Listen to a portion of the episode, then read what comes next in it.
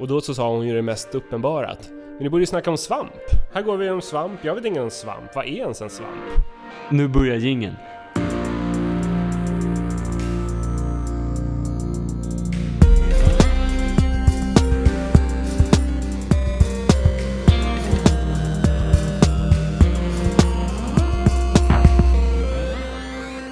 Hej och välkommen till Allmänna Bildningspodden. Hej, tack så mycket. Eh, välkommen själv.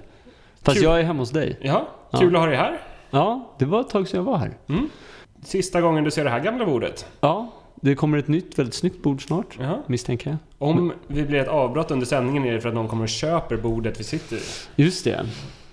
Det är ändå ett gediget bord. Mm. E- e- vad är det för något? Jag, jag ville säga att det var ek. Ja, men jag tror, eh, jag tror att det är ett ekbord från ehm, Mio. Smögen säljs med sex stolar. Eh, 2000 kronor. Så att om det inte har blivit sålt när det här sänds så kan ni höra av er och kö- lägga ett bud. Ja, det låter bra. Mm. Ja. Gediget. Men, Hur har läget varit sen sist? det har varit bra. Ehm, Gjort några spaningar på stan? när jag var sist? Det var några veckor sedan. Jag har inte gjort någon spaning på stan tror jag. Jag har tänkt att jag ska lägga, börja lägga ett pussel. Hösten börjar komma. Är det pusseltider då? Ja, eller åtminstone vintern brukar vara pusseltid. Ehm, vad har du eh, sysslat med? Förra helgen Ja, så var jag ute och plockade svamp faktiskt. det var kul. Det var trevligt. Det var lite utplockat men... Alltså Blir det någonsin mycket- utplockat? Det här har jag diskuterat med Lars. Ja. Lars säger ju att det finns för mycket svamp. Alltså, när vi, vi gick ju då i Kallhäll, där det är liksom, det är det här stråket längs Mälaren där det är väldigt mycket vandringsleder och mycket Ja. folk liksom. Och alltid där jag hittade svamp så hittade jag ju åtta tomma stubbar.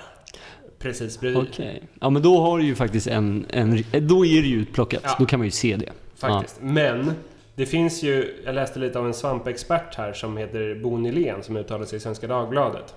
Och han menar ju att svamparna kommer upp över natten. Är det rätt förhållande så kan man liksom en dag senare så finns det en ny, ny batch. Ja.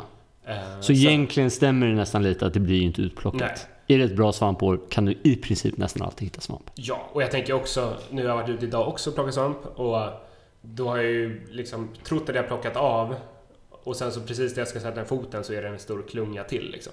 Så jag måste Ja. ju, även om jag har plockat, undrar hur många plock, svampar jag har plockat? 10 I ditt svamp- liv Nej, eller inte idag? 10 000, men 1000 svampar. Tusen svampar. Ja, Det kan det säkert vara. Ja. Det var ganska mycket i den här Ja. kassen. Så säg om jag plockat 1000 svampar den här helgen. Då måste jag ha gått förbi 10 000 svampar. Säkert. Mm. Hade du på dig svampglasögonen? Nej, det hade jag inte faktiskt. Däremot Vet så, du vad det är för något? Nej. Nej. Det var vad min mamma alltid sa. När vi, när vi skulle gå eh, ut på Arholman, vi skulle gå från eh, typ in till byn. Och det var bra svampväder. Då så var det då kan man lika gärna passa på och sätta på sig svampglasögonen svampglasögon. så att man är liksom, man håller spanet på svampen. Vi pratar ju om att man har få- fått in svampögonen, vilket måste vara ett mindre billigt sätt att säga samma sak. Att det tar ett tag att komma igång och se Precis. svamparna innan man Ja. börjar hitta dem. Det är lite Så som med det- myror, brukar jag ofta tänka på. Att, om, att man ser dem inte förrän man börjar se dem och då ser man dem överallt. Jättemycket myror, hela tiden. ja, men när jag var ute då och plockade svamp så började jag eh, prata med eh, Mikaela som var med Ja. om lite avsnitt till podden. Och då så sa hon ju det mest uppenbara att men ni borde ju snacka om svamp. Här går vi om svamp. Jag vet ingen om svamp. Vad är ens en svamp? Eh, och jag tänker också att Mikaela är en bra målgrupp att tänka eh, Det här avsnittet till. Ja, inte bara det här avsnittet utan Alla avsnitt. Eh, smart person som känner att så här, det är mycket jag inte har koll på. Jag borde lära mig saker men jag gör inte riktigt det. Mm. Nu får ju hon säga emot i något sammanhang om hon tycker att det där var en felaktig tolkning av det hon sa. Men jag tycker att det är en... Eh, Hon kanske kan allt om svamp. nej, för hon frågade. Okej, ja. Och jag kunde ju inte heller allt om svamp då. Nej. Så jag blev lite irriterad på mig själv när, jag, eh, när hon frågade vad en svamp. Och, för det är väl verkligen en växt eller djur, sa hon. Och så hade jag ju ingen riktigt bra fakta där att komma med. Det är ju alltid tråkigt. Ja, då vill man ju kunna säga att det är en mask. Ja! För ett skämt är som bäst när det så förklaras. Så vem var det som sa det? Ja, det var ju gamle, gamle gode Carl von Linné. För han var ju som, säger man von eller von? Carl von Linné. Carl von. Det är ju fina, jag tycker von, von låter mysigt. Von Linné, Carl von Linné, vår, vår eh, växtriket och eh, Botanikens fader. botanikens fader. Mm. Härskare över växtriket och så vidare. Härskare Ja. över växtriket. Det kan man, det är en bra...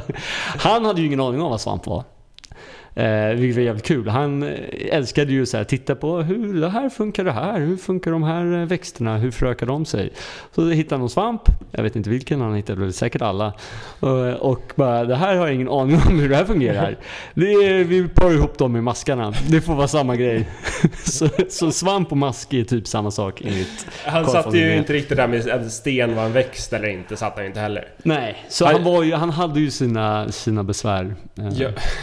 Inte Sina besvär, men, Men ja, han, han gjorde några tabbar genom Ja, det han. vilket men eh, jag tycker blir det, ihågkommet så här några hundra år senare. eh, Men eh, så, det är inte riktigt en växt. Och han tyckte att det var en mask, men det är väl inte riktigt det heller. Nej, för grejen är ju att det är inte en växt. För att en växt producerar sin egen energi. Klorofyll, fotosyntesen, hela den, den grejen. Mm. Så det är kravet för att det ska vara en växt. Mm. Och en svamp gör inte det här. En svamp måste äta. Så därför är det ingen växt. Men svampen är inte heller ett djur, även fast den äter. För att den äter utanför kroppen. Så därför får den vara ett eget, eh, en egen grej. Den är svamp helt enkelt. Det är ändå sjukt att den äter utanför kroppen. Ja, men om man tänker det, det som händer när, när, när du äter. Ja. Det är att du tar i dig mat, kanske bryter ner lite maskinellt först. Men sen så kom, skickar du på massa enzymer. Som bryter ner eh, långa molekylkedjor till kortare. Ja. Lätt förenkling, du får rätta mig om jag har fel. Nej men det är... Precis, det, det, det, kan, det kan vi säga. Ja. Absolut. Och det gör svampen fast utanför då, kroppen. Utan den skickar ut enzymer eh, runt omkring sig. Bryter ner till exempel cellulosa till eh, mindre sockerarter som den kan ta upp och använda som energi. Så att den klarar sig inte själv. Utan man behöver ju då, den behöver något annat att leva av. Mm. Grejer runt omkring. Så den har ingen kloroform, klor, kloroform eller jag på säga, klorofyll. Inget klorofyll och ingen kloroform. Nej. Eh, klarar sig inte själv. Nej. Så att där har vi definitionen på svamp. Ja. Således inte en mask. Inte en mask, för masken Ja. äter i kroppen. Ja. Bajsar också. Ja, Ja. det gör nog inte då en svamp. Nej. Men de borde ju släppa ut någonting. Den, måste ju ha, den har ju en cellandning så den måste Ja. ju släppa ut koldioxid. Kol- Ja, det är precis. Det gör en gäst. Gör ju det. Ja, men det gör ju även en växt, tänker jag. Ja. Släpper Ja, det gör de. Ja, ja, precis. Mm. Det gör den. Men jag tänkte mer slaggprodukter från ner. Fast slaggprodukterna kanske stannar utanför. Därför behöver svampen inte bajsa. Det är min skarvning. Bra skarvning. Ja. Eh, men när vi säger det så tänker ju kanske någon eh, att, ja men vadå, svampen står ju rakt upp i luften. Hur, hur kan Hur den då göra, hur kan den äta, kan den äta luft? Och det kan den ju inte. Nej. Men det vi ser är ju bara själva frukten, skulle man förenklat skulle jag säga, av, Mm. eh, av svampen. Det som sticker upp. Kallad fruktkropp till och med. Ja. Eh, och eh, den sticker upp ovanför marken för att sprida, sprida mycel. Nej, sporer. Sporer. som är eh, fröna egentligen. Ja. Skulle man ju till och med kunna säga att det är spermierna. Ja. Fast det är ju både spermier och ägget då. Ja. Eller Köns, vet- Den bara sprider könsceller. Den helt sprider till- kön. Ja. Kön, helt. Skulle man kunna Ja. säga att svampen, det visst det som sticker upp av svampen, är svampens kön? Ja. Nu vet inte, det apropå det så har jag, fick jag då idag höra en, en, jag vet inte om, kallar man det fräckis? Ja, antar, eller ja, det vet inte jag vid det här laget. Ja, men- nej, men en historia om svamp.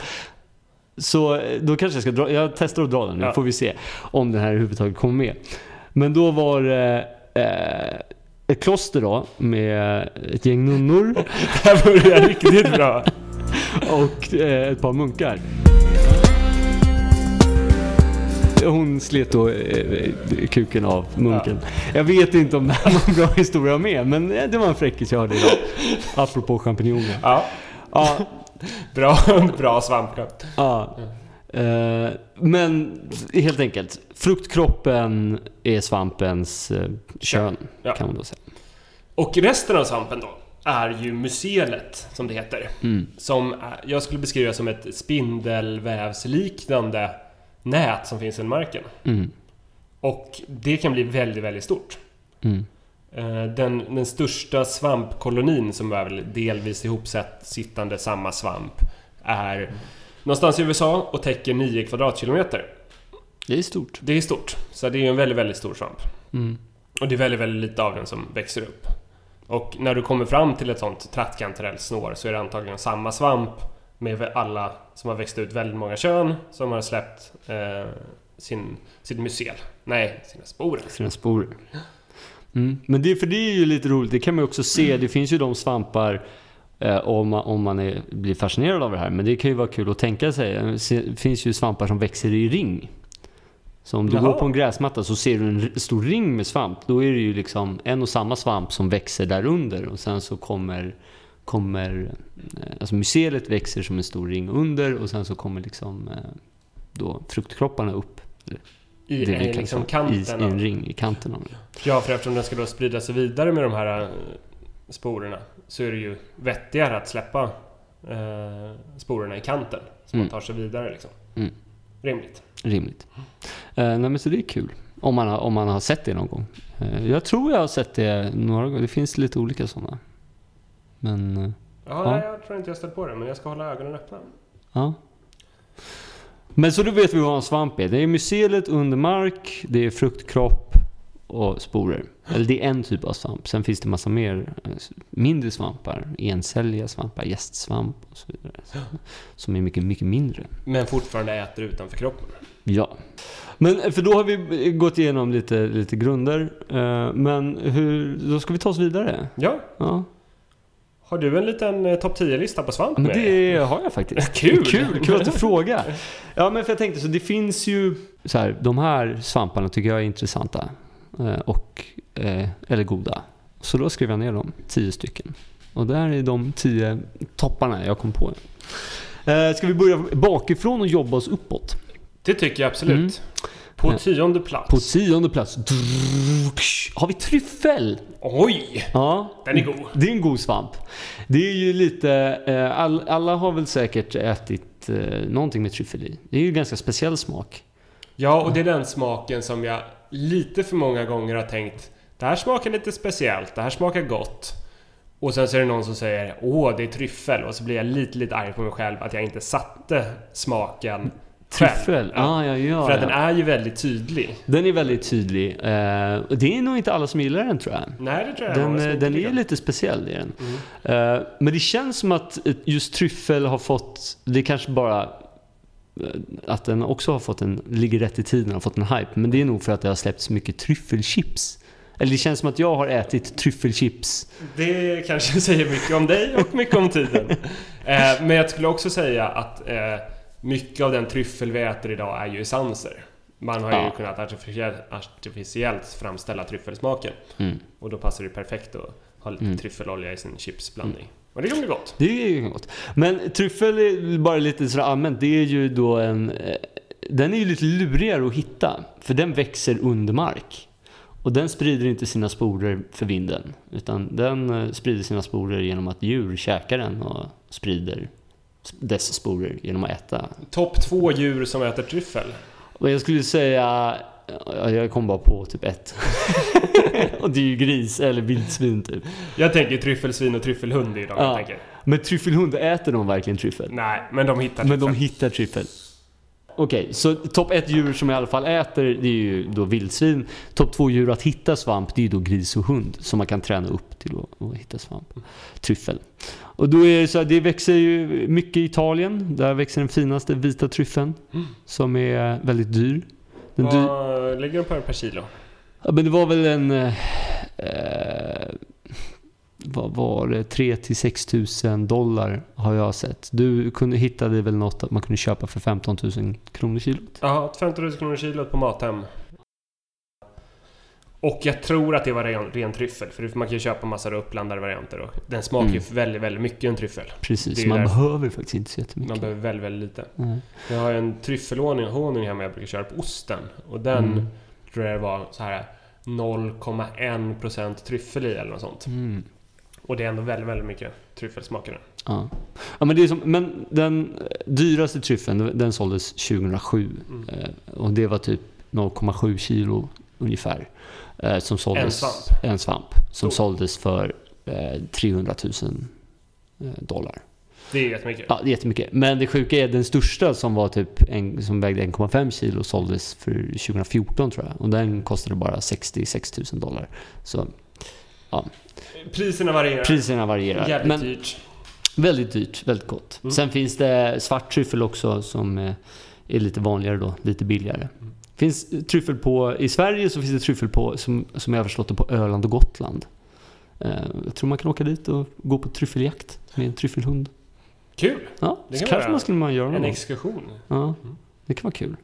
Hitta tryffel. Ja, det var det jag hade om eh, tryffel. Bra, bra tionde plats. Ja, eh, rekommenderar chipsen också. Mm. Ja, gott. Ska vi jobba oss vidare? Punkt nummer nio. Punkt nummer nio. Drum. Eh, blomkålsvamp. Oj! Det är ju en svamp som jag aldrig hört talas om. Nej, det är ju en typ av fingersvamp. Jaså du? Ja. Eh, men de, de flesta fingersvampar man ser, de ser ut som små, små gula träd ute i skogen. Eh, Ja. har, har man varit ute i skogen så det är Ja. ju den vanligaste. Lite finns ju- hattifnattar skulle jag beskriva den som. Ja, precis. Som jag vet inte vad som kom först, hattifnattarna eller svampen. Men den ena ser ut som den andra. Ja, jag skulle ja, jag vet faktiskt inte. Ja, det är väl svampen kom väl först. Hattifnattarna kommer ju... Ja, det jag var... Det Nu var det ett skämt här borta. Jaha. Skitsamma. Men varför har du fastnat för den här rackaren? Jo, när... Det är ju som så att jag har ju eh, ändå plockat svamp sedan jag var liten. Eh, in, liksom, jag är inte värsta svampexperten men ändå varit ute varje år och plockat någon gång. Eh, och vi hade, när jag gick i lågstadiet så hade vi han Pelle, vad hette han? Holmberg. Pelle Holmberg. Vi gick ut med vår klass i skogen och plockade svamp och det tyckte jag var väldigt coolt. Pelle Holmberg är ju då en, en svampexpert. Jajamän. Han eh, har bott granne med, med min tjej Sofie. Mm. Han har växt upp i närheten av dig. Ja, växte men upp i eh, Bromma. 50-60 år innan dig kanske? Ja, någonting sånt. Nej, inte så. Inte så, 40 år innan mig. Ja. Och Nej, min han 30 har ett år. bra sommarprat från 2003 tror jag det var. Mm. Där han pratar både lite om, eh, lite så gubbpratar om livet på ett eh, underhållande sätt men också snackar svamp. Mm. Och han sitter också och spelar in det här i naturen. Så att ibland så avbryter han och säger ja men här kommer en rördrom förbi. Och så pratar han lite om rördromen och sen så forts- fortsätter han med sin historia. Mm. Ja. Ja, han gillar sin natur. Mm. Men han inspirerar ju mig lite i alla fall. Eh, och jag eh, och en kompis i lågstadiet, vi var ute och lekte i skogen. Och så, så hittade vi någonting som såg ut som en stor vit hjärna, typ. Vit träd. Så Och som ett barn gör så plockar man Så, upp. så plockar man upp det här bara, what? Vad är det här? Eh, och då visade det sig att det var en blomkålssvamp. Och den heter ju då blomkålssvamp just för att den ser ut som en st- stor blomkål. Gärna. Ja, en stor hjärna typ. Eh, så det var coolt. Jag tror den vägde uppåt två kilo nästan. Eh, den var väldigt stor. Eh, Och den käkar ni sen? ja, jag gillade den inte. Jag, gillade inte svamp när jag var liten. Men jag hittade den och var väldigt nöjd med det. Eh, En svampälskare, gillade de den? Eh, det, det vet jag inte. Men den har tre stjärnor Mm. i eh, den, de klassiska Ja svampguiderna. men då skulle jag säga, det var en god svamp. Ja. Numera finns det ju på internet såna här svampguider där de har upp till fem stjärnor. Oj! Det är något nytt. Det är nytt. Ja. Jag gillar också att, jag undrar om det är som sätter den här. Så 1, 2, 3 skalan, eller nu upp till 5. Ja. Eh, eller ja, nu är det ju vi- vilken jävel som ger ut en sån. Men jag Ja. tänker de här klassiska, då måste det ju funnits några så här någon lektor på något universitet någonstans som sa att så här var det och sen ifrågasattes inte det. Nej, det här är tre stjärnor. Mhm. Ja. Ja, det kanske var det. Pelle Holmberg som... eh, Som, Som, gjorde det. som Han satte tre stjärnor på det. Nej men, eh, så det var, det var coolt. Jag visade upp den för klassen och allt. Kul. Så om man hittar en hjärna ute i skogen kan det vara en blomkålssvamp. Det är bra. Bra Ja. plats. Jag tycker vi dunkar vidare. Mm. Åtta. Oj! Sjukt att åttan kom där. Flugsvamp. Flugsvamp, den är bra. Ja, den här röd, röda toppiga. Den klassiska. Toppiga, den klassiska. Ja, den kan vara toppig, Den kan vara den- toppig, behöver den inte vara. Nej, den klassiska bilden är ju en toppig och en helt utslätad. som Precis, som står bredvid varandra. Den ena har liksom inte vecklat ut sig riktigt. Nej, Och det, det är lite roligt för att en eh, flugsvamp har ju två... Tre kännetecken. Eh, den är röd. Och det hänger väl ihop med att den är giftig, för det är ingen idé att vara giftig om ingen vet att man är giftig, för då äter djuren upp den i alla fall, för att den inte har lärt sig att den är en giftig svamp. Ja. Evolutionärt standard. Jag har inte läst på om just flugsvampen, men det känns som en klassiker. Eh, men sen så nästa kännetecken är ju prickarna. Mm. Och det tredje, lite mer okända, är att det finns en sån här ring som finns på en del svampar halvvägs upp på, Mm. på stammen. Och det, prickarna och ringen och det här med att den vecklar ut sig som du beskrev, det hänger ihop. För att när den växer upp så är den vit och har ett eh, vitt hölje liksom Mm. eh, över sig. En slida. Nej, Kallas det inte det? Jag tror det. strumpa skulle jag vilja Men det är alltså... Jag vet inte. Hela den här delen är ren... eh, Är du smartare än femteklasskunskap? Så det var något jag lärde mig på mellanstadiet. Liksom. Ja. Det finns då en strumpa, som vi kallar det, över, eh, över hatten. Och så växer den upp, spetsig. Och sen så börjar hatten veckla ut sig. Och då spricker den här strumpan upp och då lämnar den dels efter sig en ring på foten där den har suttit fast. Och sen så har den suttit fast liksom, som fastlimmad på, på, eh, på själva hatten. Och där den har suttit fastlimmad på de punkterna, där sitter lite av den här strumpan kvar. Eh, och när den då vecklar ut sig så spricker resten av den av och trillar av. Men det finns då små spår efter strumpan kvar i de vita prickarna. Aha. Och det kan man se om man kollar på en svamp så är det ju inte som om man ritar en flugsvamp så är det ju ringar liksom när den är tecknad. Men det är liksom små fjäll som sitter ovanpå det röda kan man se om man Mm. undersöker dem lite närmare. Mm. De är, anledningen till att den är på min topp 10-lista, det är ju att det är den snyggaste svampen. Den ser ju otroligt cool ut. Väldigt fotogenik. Ja, otroligt snygga foton man kan få på dem där om man hittar en bra. Jaha, och gärna då en sån spetsig och en platt bredvid varandra. Mm, precis. Det är, eh, det är ju en skivling. Eh, när man ser skivling, då är om man tittar under själva hatten så är det som skivor. Kan man säga. Och då menar du alltså eh, inifrån och ut streck? Ja. Det är liksom lameller skulle man kunna säga. Underlättar beskrivningen lameller. Det kanske det inte gör. Det är som tunna, tunna skivor Ja, som sitter under hatten. ja. Och här, de flesta svampar har ju någon form av sätt att få mer yta under hatten. Alltså antingen så är det rör som går upp där eller så är det de här skivorna och så finns det några olika varianter. Eller taggar. Taggar, precis. Och det tänker jag är att för att få så mycket yta som möjligt och ha sporer på så liksom vecklar man ihop det. Och att det är, det här är, nu ser det ut lite skarvare, men det är ju samma teknik som används i våra tarmar till exempel. De är veckade för att få mer yta mot maten. Mm. Det finns samma som används på moppemotorer för att få mer yta mot den kalla luften. Så går det ut eh, så kylflänsar. Mm.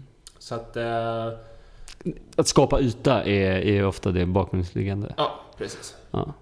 Eh, men då är det, det är i alla fall en, då blir det en skivling. Mm. Eh, till skillnad från då en sopp som har den här rörstrukturen du pratade om. Vi kommer komma till någon sopp framöver. Och eh, sen så taggsvamp som har små taggar som sticker ner under hatten. Mm. Så det är tre grund... Eh, upp, en, en grunduppdelning av eh, svampar helt enkelt. En matsvampar åtminstone. Eh, Ska vi nämna något om att den är giftig eller ska vi bara gå vidare? Nej, men den är giftig. Ja, Den är vi kan giftig. gå vidare. Ska vi gå vidare? Men ska jag säga något om vikinga, vikingarna? Ja, men det tycker Ja, men det kan vi göra. Ja, kul.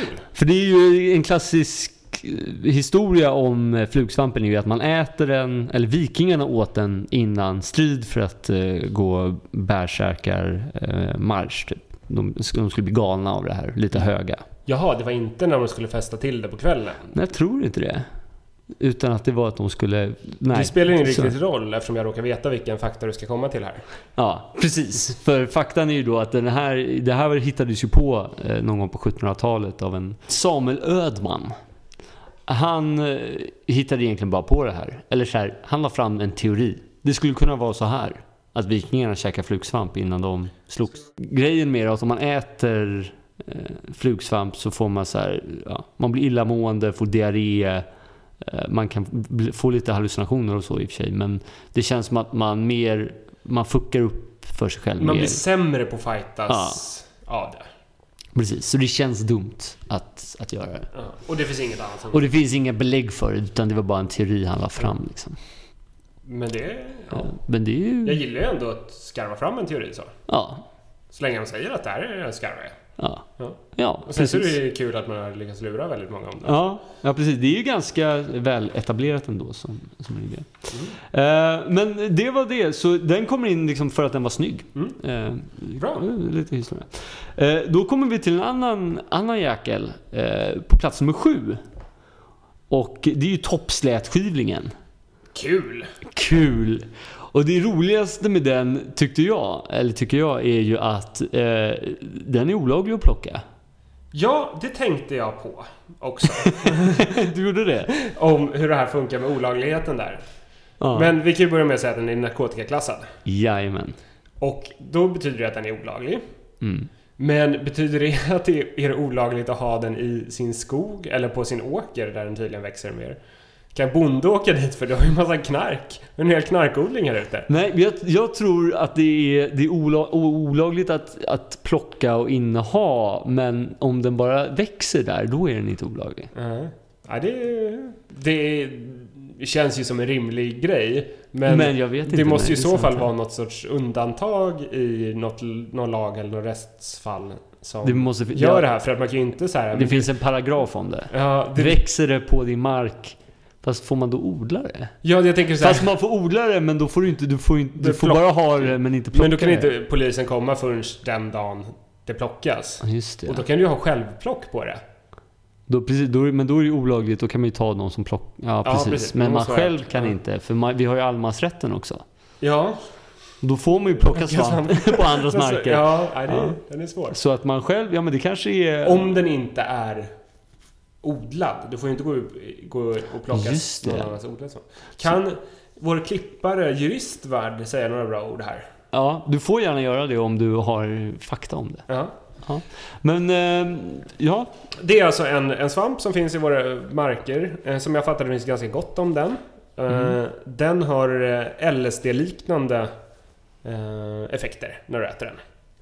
Mm. Och den håller i sig 5-6 timmar ungefär. Mm. Och jag läste rätt en del om den och det var liksom så här, ja, började fundera så här, är det här den perfekta drogen? Eh, för det var, lät så här, ja, hallucinerar lite så. Eh, mår inte så dåligt, kan kräkas lite, men det kan man ju om en god grogg också. Men sen så stod det framåt slutet av det här jag läste att om man tar för mycket av den så kan man få personlighetsförändringar som sitter i. Och Det det, vill lite, man inte ha. det är tråkigt. Det är tråkigt. Ja, så att... ehm, nej, säger vi till den. Mm. Så den är, den är liksom inte giftig riktigt på så sätt. Men sen så är det också, eh, där läste jag i, det var någon svampexpert som uttalade sig, nu minns jag inte vad han hette, men i Aftonbladet angående de här. Att risken är ju också om du sätter dig och kör bil eller någonting, gör något annat konstigt när du är helt hög, så är ju risken att man fuckar upp då också. Ja, men det är Eh, väl... Men det ja. kan man ju skydda sig mot. Genom, Genom att inte köra bil. Genom att vara ute i skogen.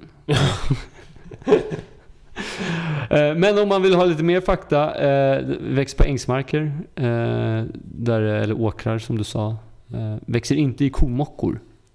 Utan det är en kusin eller släkting som växer i komockor. För det är annars, tror jag, det hade jag det i alla fall är hört ju också. en rolig grej att lura några backpackers som kommer hit. Vill, vill knarka svensk knark. Skicka ut dem i en kohage. Plocka dem som växer i komockan. Men de som växer i komockan blir man tydligen också hög av. Ah, okej. så det, det är inte så.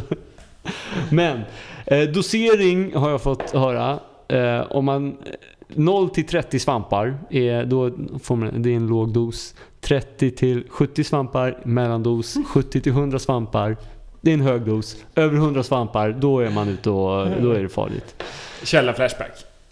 Källa, nej, någon sorts eh, snubbe som har skrivit en, en sida som handlar om typ hallucinogena svampar. Och sen så har han lite, i ba, som bakgrundsfärger, är det lite så här, du du vet sån här, Lite knarkiga. lite knarkiga färger i bakgrunden. Eh, men... eh, Nästa punkt, tycker jag. Ja, Om du inte hade något mer. nej jag tror inte det. Uh, psil, ja, jag kan säga så här, psilocybin heter då ämnet. Eller psilocybinsvampar är det. Det är de som är hallucinogena. Jag är med, jag är med. Och var det, är det så nu ska vi se så fall jag inte blandar ihop det med en annan svamp, att det inte är ämbrisvampen som är eh, det som faktiskt ger effekt. Utan det är när det bryts Bryts ner ner. så blir det ett annat ämne som ger effekten. Så kan det säkert vara. Jag har ingen, ingen Som egen med, vad heter det här, mor- morfinpreparatet. Kodein. Precis som eh, marknadsförs under namnet Citodon. Citodon, som inte är morfin, men kroppen gör morfin av. Precis. Precis. Eh, ja. Vi går vidare. Svamp nummer sex. Jag slänger in champinjon. Champinjon. Det är ju den kanske mest klassiska matsvampen. Finns alltid att handla i affär. Eh, god, enkel att ha i olika eh, pastasåser eller eh, champinjonsoppor och sånt. Man kan göra god svamp. Eller go, goda maträtter med den. Jag börjar känna lite Forrest Camp-känsla här när han ska rabbla upp allting man kan ha räkor i. Capricciosa vill jag slänga in på den. Capricciosa, den är, det är kanske den mest Den skulle klassiska. inte vara sig själv utan champinjoner. Det som är Nej. speciellt med champinjoner är att den går att odla. Mm. Det är ju inte den enda svamp som går att odla, men den... Eh, jag skulle säga att det är därför den är så vanlig, för att den är hyfsat lättodlad. Ja, Och den kan ju, med det här äta utanför kroppen, så kan den äta döda växter. Den behöver inte ha en levande växt där den liksom kan suga ut sin näringsämnen, utan den kan liksom bryta ner gamla växtdelar. mm. Så därför behöver man inte plantera ett, ett levande träd bredvid en champinjonodling, utan man kan Man kan slänga in en vedbit. en, en vedbit och sen Ja. så, eh, Så så, kör det. sig. Ja. Och eftersom champinjoner då inte behöver något ljus för att växa, till skillnad från andra växter, så kan man ju odla den Till skillnad från andra... från, till, till skillnad från växter. Exakt. Snyggt. Eh, så kan man ju odla den i, man behöver inte en åker eller fält eller lampor. Mm. Utan så, du kan ta random lagerlokal, liksom ha byrålådorna fulla hemma. Mm. Eh. Man behöver väl lite fukt och sånt där. Det är väl det. Ja, men det kan du väl, det är lättare att tillsätta Ja, solljus tänker jag. Precis. Men jag tänker att man kanske vill odla i grottor. Gör man inte det? Är det bara något jag har fått för mig? Nej men jag håller ju på. Jag tror det kommer tillbaka till det här tryffeln. Jag vet inte om det är tryffeln på Gotland eller det... Jag har sett Ernst i en grotta på Gotland käka... eh, Svamp. Ja, typ. det det kan vara- hög. Det kan ha varit ost också. Det, ju, det kan man också göra i grottor. Ja. Nej, ja men det är ju bra. Så champinjon är ju utmärkt svamp. Eh, Men här kommer jag då till eh, det viktigaste med champinjon. Jag plockar aldrig champinjon när jag plockar svamp. Plockar du champinjon? Det är väl regel nummer ett när man plockar svamp. Plocka aldrig champinjon. Exakt. Plockar aldrig vit svamp Nej. Och varför är det då så? Jo, för det finns ju den här rackaren. Vi hade flugsvampen, vi har också den vita flugsvampen. Ja. Som är som flugsvampen. Inte lika snygg, lättare att ta fel på och mycket farligare. Jättefarlig. Och det som är lite trixigt med den eh, vita flugsvampen var, är att den man får symptom redan när det är för sent. Så att du börjar må dåligt när du äter den. Det tar mellan s- åtta timmar och ett dygn eller något sånt. Eh, men när du väl börjar få syndrom då har den redan förstört väldigt mycket i kroppen. Och det den pajar är ju då eh, njurar, lever och sådana grejer. Mm. Och det jag lärde mig att man botar det med är bland annat aktivt kol. Mm. Eh, kan du förklara något om aktivt kol? Vad det är eller hur det funkar? Aktiv Eller behöver du kol, det är ju det, det är, eh, alltså precis, där är ju en behandling som är till för att man inte ska ta upp giftet. Det är, du, du sväljer aktivt kol. Vad är aktivt kol? Är det bränt kött? Jag vet inte exakt vad det Det kanske är bränt kött. Jag vet inte. Det lärde jag mig av någon icke trovärdig person när jag var sådär i 15-årsåldern. Ja. Jag kan, jag, jag, jag har, det har jag faktiskt ingen koll på. Men man, eh, det är ju klassiskt som ambulanserna ger om du har liksom, överdoserat någonting. Då trycker du, trycker du in aktivt kol, man sväljer ner det. För att det binder då upp gifterna så att kroppen inte tar upp det och istället så, så bajsar man ut det till slut. Liksom. Och det är ju bra. Det är ju bra, precis. Men, då, det är ju, då, men det är ju samma sak. Det funkar ju inte så här.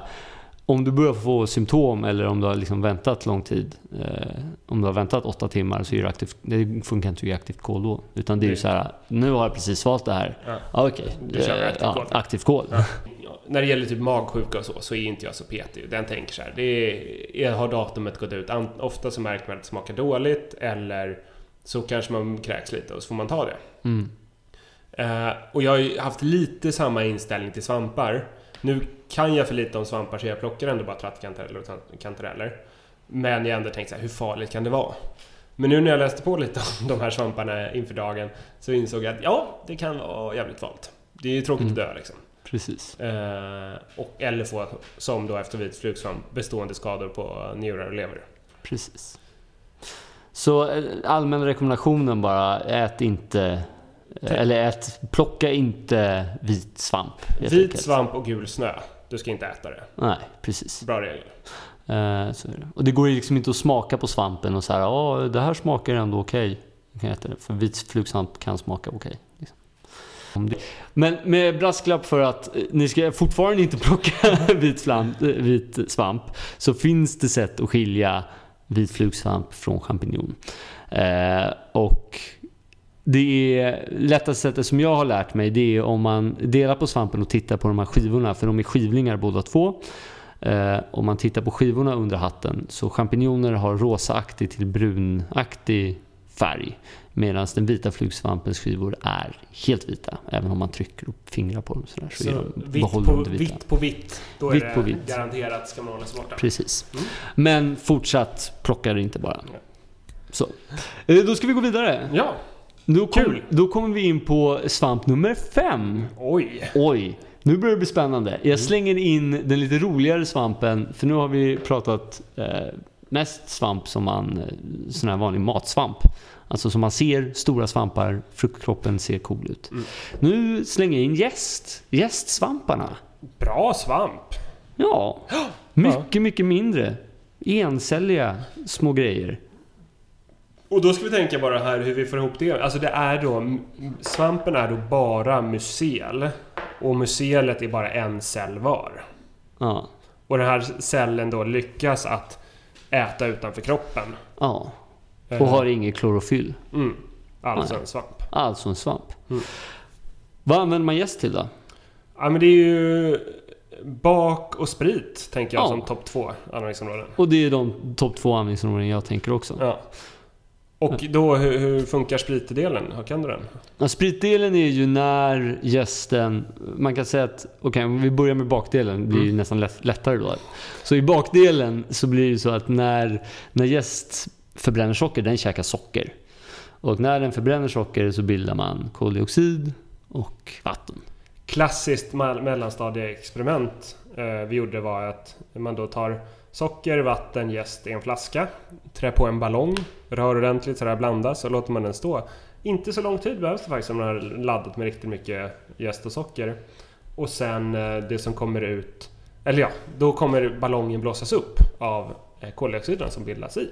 Ja, precis. Och det är lite det som händer i, i bakning, att degen sväller upp för att det blir mer gasigt i, helt enkelt. Eh, Så det är det som är funktionen med det. Och det ger väl att det blir mer luftigt och då blir det mer saftigt, inte lika kompakt. Så, Eh, så det är ju bra. Mm. Eh, Men för att man ska få det här ska fungera så behöver man tillgång på syre. Och då kommer vi till spritdelen. När syret tar slut, då eh, har man inte tillräckligt mycket syre för att bilda eh, koldioxid och vatten. Och då bildar man istället etanol. Mm, alltså sprit. Alltså sprit. Mm. Så gästen förbränner fortfarande socker men spottar ut sprit istället för eh, vatten och eh, Så det är en annan typ av cellhandling. De klarar två typer av cellhandling Ja, eller För två vi typer kan- av förbränningar. För vi kan inte förbränna syrefritt. Jo, Kan vi det? det kan vi. Men Eh, varför men man kan man inte andas ska man inte andas? Ja, precis. Därför att man får ut mycket, mycket mindre energi av det. Eh, Du kan för, förbränna, du får ut mycket mer energi vid förbränning med syre än vad du får om du förbränner utan syre.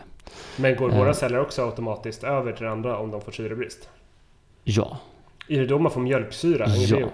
exakt. Varför får vi inte etanol utan mjölksyra? Därför att förbränningsprocessen ser annorlunda ut. Ja, jag, kan inte, jag kan inte men men du, du kan inte bli full av att hålla andan och låta dina celler producera alkohol? Nej, det kan man inte. Utan du får För bara då får man mjölksyra. mjölksyra. Du får mjölksyra. Ja. Ja, rimligt. Eh, precis.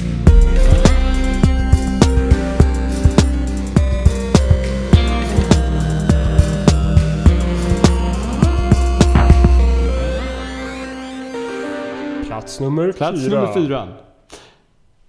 Egentligen så kanske det här borde vara plats nummer ett. Men jag har lagt den på plats nummer fyra för att det är kul. Det är roligt. Ett annars logiskt ställe är att lägga den på plats nummer två då. Men vi lägger den på fyra. Ja, men det är ju för att eh, jag tycker att det är roligt att plocka svamp. Mm.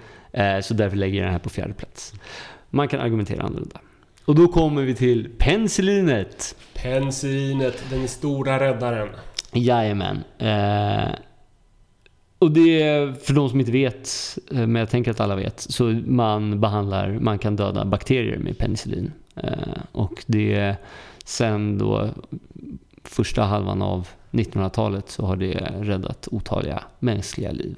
Det var, ja, man, man hade typ inte så mycket behandling innan dess. Eh, Nu kan man dunka på nu det kan man dunka på. Och då kör man då...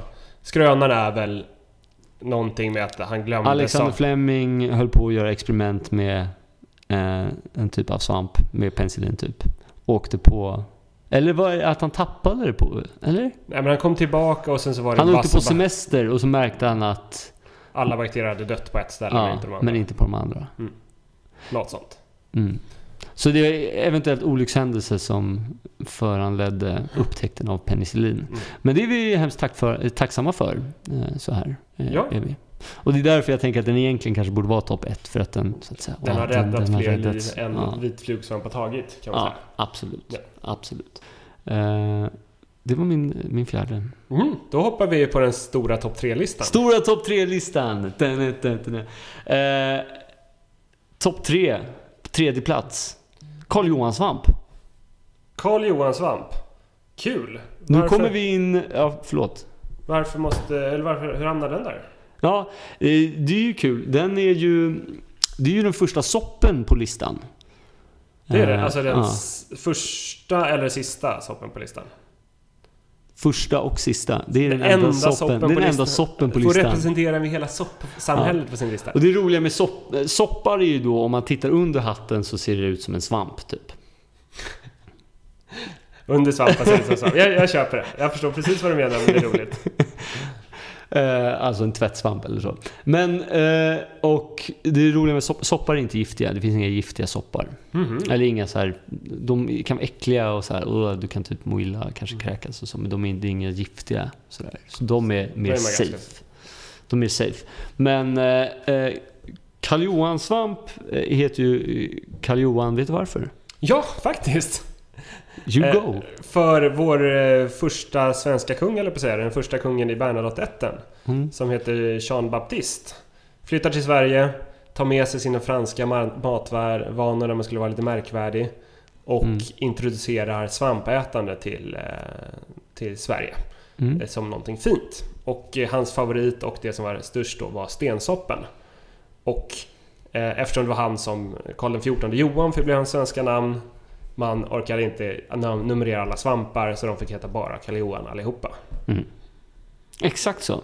Så eh, det hette ju stensopp innan. Mm. Men nu eh, känner väl alla till det som Karl svamp. Och det där är ju lite intressant att du tar upp det. För det där är ju någonting man, man funderar på. Så här, har vi, vi äter ju mycket svamp nu. Plockar, alla plockar svamp, som du sa.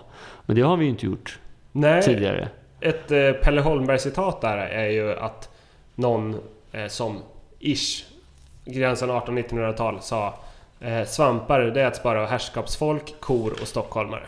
Exakt. Det kallades ju för... Och det var, för det var så att bönder käkade ju inte svamp på, i flera hundra år i, här uppe i, i Sverige. Ska vi pausa? Nu tror jag det är paus. Nej, det var skift där tror jag. Snyggt! Tack så mycket! Ja, kul. Då fortsätter vi spela in här. Skicka. Det gör vi. Puss puss. Puss puss! Hej. Så, då var vi tillbaks.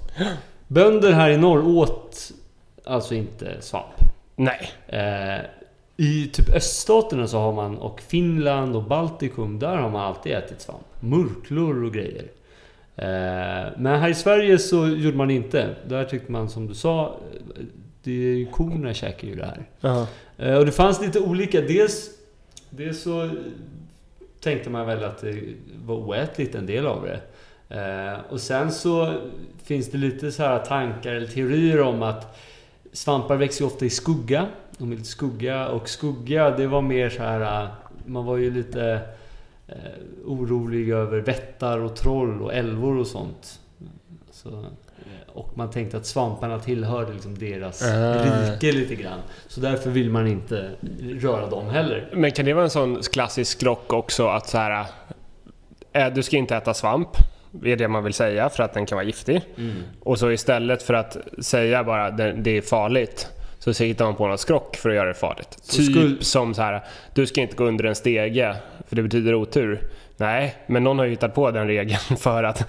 Risken är att du får något. något i nyllet. Ja, eller precis. Ja. Och de flesta sådana skrockgrejer är ju det liksom. Ja. Jo, men eh, så kan det säkert vara. Men man visste ju å andra sidan att korna kunde äta det här. Mm. Så man visste ju att det kanske inte allt var giftigt. Nej, men man, det man märkte också när korna åt det var ju att de blev konstiga i magen och att mjölken började smaka dåligt. För att korna hade ju inte din 10 topplista att gå efter. De bara De käkar ju vilt i skogen Ja. liksom. Och det kan vi tänka så här, fan vad bra, ko... Men det kanske Kofoder. blev eh, lite tio topp. Det blev en hallucin hallucinogena. Det är den som gör att de får dålig magen och dålig mjölk, eller? Okej, jag vet. Eller, under, hur på, påverkas korna av hallucinogena svampar tror du? Jag vet inte. De kanske ser jättekonstiga saker. Ja. Gräset blir blått. Det vet ingen. Jag vet ingen. De, de kanske... Ja, det vet inte jag heller. Men man, det var ju, man käkade inte svamp och man hade, det här har jag också ett referat från Dick Harrison. Att eh, man kallade också svampen för så här, de hade smeknamn. Till exempel paddehatt eller kärringfis. Eh, så det låter ju inte som så trevliga saker att, äta. Nej. Eh, men eh, som du sa så, så var det, det började liksom komma in lite runt 1700-talet så började man ändå så här, men svamp kanske är Egentligen redan på typ 1600-talet så började, man, började folk, framförallt i överklassen, att äta det.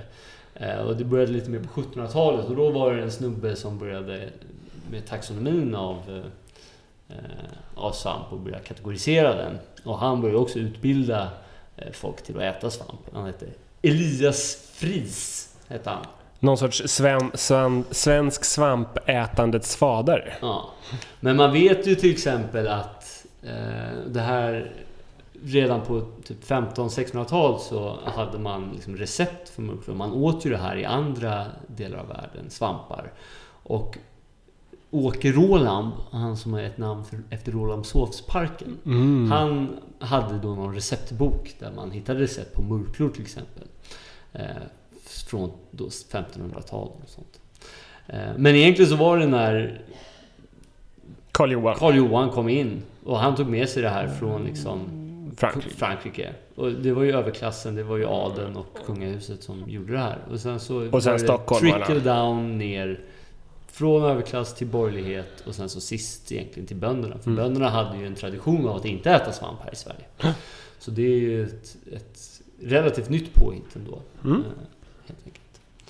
Eh, Så det är väl det intressanta där med, med Karl Johan svamp då, eller stensopp som den heter. Ja. Så det var trean. Kul. Nu kommer vi in på de två finalisterna då. Ja. Eh, och där kanske det är en dispyt om vad som är, vad som är bäst. Mm. Men jag har ju då satt på andra plats Trattkantarell. Första plats. Första plats Kantarell. Och jag skulle vilja vända på den listan. Ja.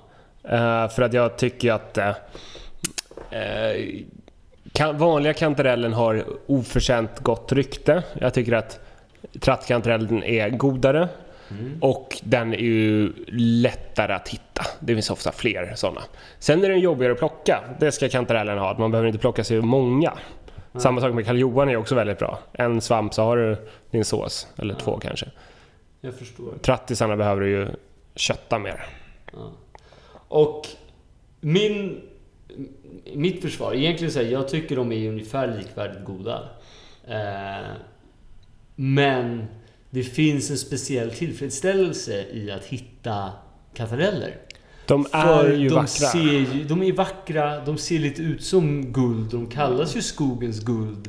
Och man blir, det blir en så här... ah, Där, där ser jag Mm. någonting. Mm. Det är ljus. Det är som att hitta en skatt på något sätt. Ja, mm. Eh, och eh, det tycker jag... Trattkantareller, absolut, de är svårare att hitta och man blir väldigt glad när man hittar dem. Men det är inte den här uh, kittlande skattkänslan, tycker jag. Jag tycker du argumenterar bra för det här. Mm. I mitt liv så är ju trattkantarellen tar en större plats än kantarellen. Eh, Men jag tänker också att det beror lite på att jag plockar mer i skärgården. Jag skulle skarva att det finns mer... Plockar mer i skärgården på hösten och då är det ju mer trattigt. Hösten är det ju mer Mm, trattigt. Ja. Ja. Jag kan tänka mig, är man en värmlänning, där har jag fått för mig att det är mer vanliga kantareller som gäller. Kan nog vara. Mm. Det är väldigt mycket kantareller i Sverige. Eh, överlag jämfört med andra länder. Den är Ja. till exempel utrotningshotad i delar av Europa. Ja. Här, Och det, det man köper i i är ju oftast eh, polska kantareller. mm, där är den rödlistad. Ja, och då tänkte jag så här, oj oj, det kanske man inte ska köpa det. Sen kom jag på att det, när man plockar en svamp så har den väl redan släppt sina sporer. Den är väldigt klar. Ja. Så att det, man, Det är om man jämför med andra växter, eller om man jämför med växter och djur Precis. där det liksom är dåligt att plocka. Så är, det är ju inte så, att plocka äpplen gör ju inte att det blir färre äppelträd. Nej. Nej. Så det är inte plockningen som är problemet utan Mm. det är ju framförallt miljögifter och sånt som, Mm. som har förstört, eller som förstör ibland för svampar. Jag var inne på det lite med champinjoner, att de kunde bryta ner eh, växtdelar och livnära sig på det. Medan eh, många av andra svampar, till exempel kantarellerna, eh, behöver ett levande, en levande växt och växa samman i symbios med. Eh, och då funkar det så att svampen kommer med sitt jättespindelnät av tunna, tunna, fina, tunt fint mycel som fungerar lite som jättelånga rötter och kan transportera vatten till exempel och näringsämnen. Och sen så vill ju eh, den här växten ha lättillgängligt socker. Och det finns ju i rötterna hos träd, för ett träd tillverkar sitt eget socker och skickar runt det in hos sig. Så då äter då svampen som vi vet utanför kroppen och skickar ut enzymer, löser upp lite av träet i det här levande träet och så suger i sig energi. Och i gengäld så, så släpper den ifrån sig vatten. Så det är bra för trädet och det är bra för, eh, för svampen. Och man kan till och med se att en del träd det ändrar sin rotutveckling när den bor nära svampar för då behöver den inte skicka ut egna små tentakler utan då kör den korta stumpiga rötter och sen så kör, lägger svampen på där. Mm. Och kantarellen kan eh, para ihop sig sådär med lite vilket träd som helst. Mm. Men det finns andra som eh, behöver ett visst sorts träd. Och där har vi till exempel eh, björksoppen, behöver en björk. Lärksoppen behöver en eh, lärka, eller lärkträd snarare. Sen har vi också i den här listan har vi smörsoppen och eh, blodrisken. Inte lika uppenbart, men det är smörsopp, tall, blodriska, gran. Eh, Så det är också när man är ute och letar i skogen så kan man ju förvänta sig att hitta då svamp som eh, lever i symbios med just det trädet. Mm, precis. Och där har jag fått lära mig också att eh, i... Man, det är bra att kika runt träd helt enkelt. Så i skog är bra. Eh, efter då trattkantareller och kantareller. Eh, men också att tydligen får det inte vara för ung skog för då har inte svampen hunnit fästa. Nej, det tar... I naturen så tar det ungefär 10 år innan eh, svampen då börjar eh, skicka upp sina fruktkroppar eh, för en kantarell. Det är ganska stor häftning. men eh, ändå något som jag läste från Sveriges lantbruksuniversitet. Mm, För att där gjorde man en undersökning och forskning på symbiosen bara. Ja, absolut. Och det är eh, lavar. Alltså till exempel skägglav som växer på träd eller fönsterlav eller vitlav som är samma namn på det vi kallar vitmossa som man har i adventsljusstaken. Ja, Gick det för fort där? I gemene man kallar det för vitmossa, men om man vet vad vitmossa är så är, är vitmossa någonting helt annat. Precis. Eh, Men det man har i adventsljusstaken är inte en mossa, det är en lav. precis. Och lavar är ju det också som växer på berget. Eh, så. Mm. Och då tänker man, hur kan det växa på berget? Det behöver ju någonting för att suga i sig saker från som jord, eh, näring. Men det är att en lav är en symbios mellan en svamp och en alg.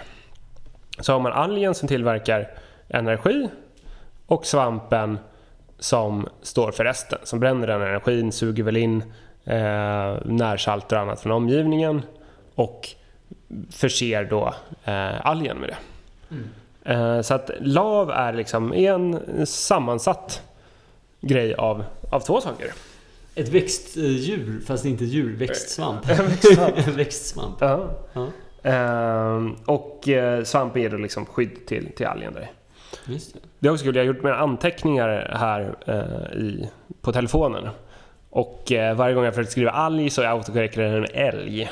Så att eh, älgen ger, Älgen ger näring men svampen ger skydd, står det. Ja. Eh, det är intressant. Eh, Inte jätteintressant. nej men med symbiosen där. Jag vet inte, jag tycker, det- det, det jag tycker att det är coolt. Ja, Det du menar coolt. med älg och alg? Ja. Det var ju tvåa på intressant-skalan. Men, eh, men symbiosen är ju jävligt cool faktiskt. Ja, att man den bara klarar det själva. Det- Eh, så det är nice. Är vi, eh, min lista är klar. Din lista är klar. Jag gillar din lista. Ja. Den har en bra, bra mängd svampar. Eh, Jag fick in all min svampfakta jag hade under de Under punkterna i listan. Ja. Så det var, funkar väldigt bra. Jag börjar bli hungrig. Ja, vad ska vi äta? Vi ska ju äta svamp. En, Perfekt. en rödvinsrisotto med eh, trattkantareller och så tror jag vi lite får lite eh, grillad paprika till den. Grönkål? Grönkål, Nej, brysselkål. brysselkål menar jag, inte grönkål. Det ska bli gott. Jaha. Mm. Ska jag avsluta med en sista liten eh, fakta. Mm. Som jag kanske sagt. Hur lång, tid, jo, men det har det. Hur lång tid tar det för en svamp att växa upp? Över en natt. Över en natt. Tack för det! Tack för det. Ha det så bra. Hej.